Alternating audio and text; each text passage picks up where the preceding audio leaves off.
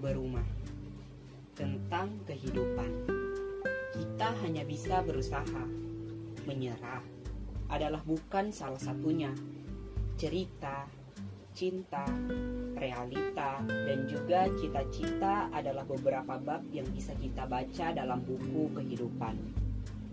Tidak ada salahnya untuk membolak-balikan halaman tersebut dan membacanya berulang-ulang tetapi dengan terus melanjutkan ke lembar selanjutnya adalah salah satu cara untuk menyelesaikannya.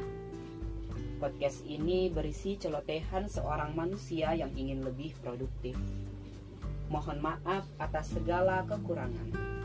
Tetap nantikan episode lanjutan dari pembahasan. Salam, selamat mendengar jiwa yang berumah.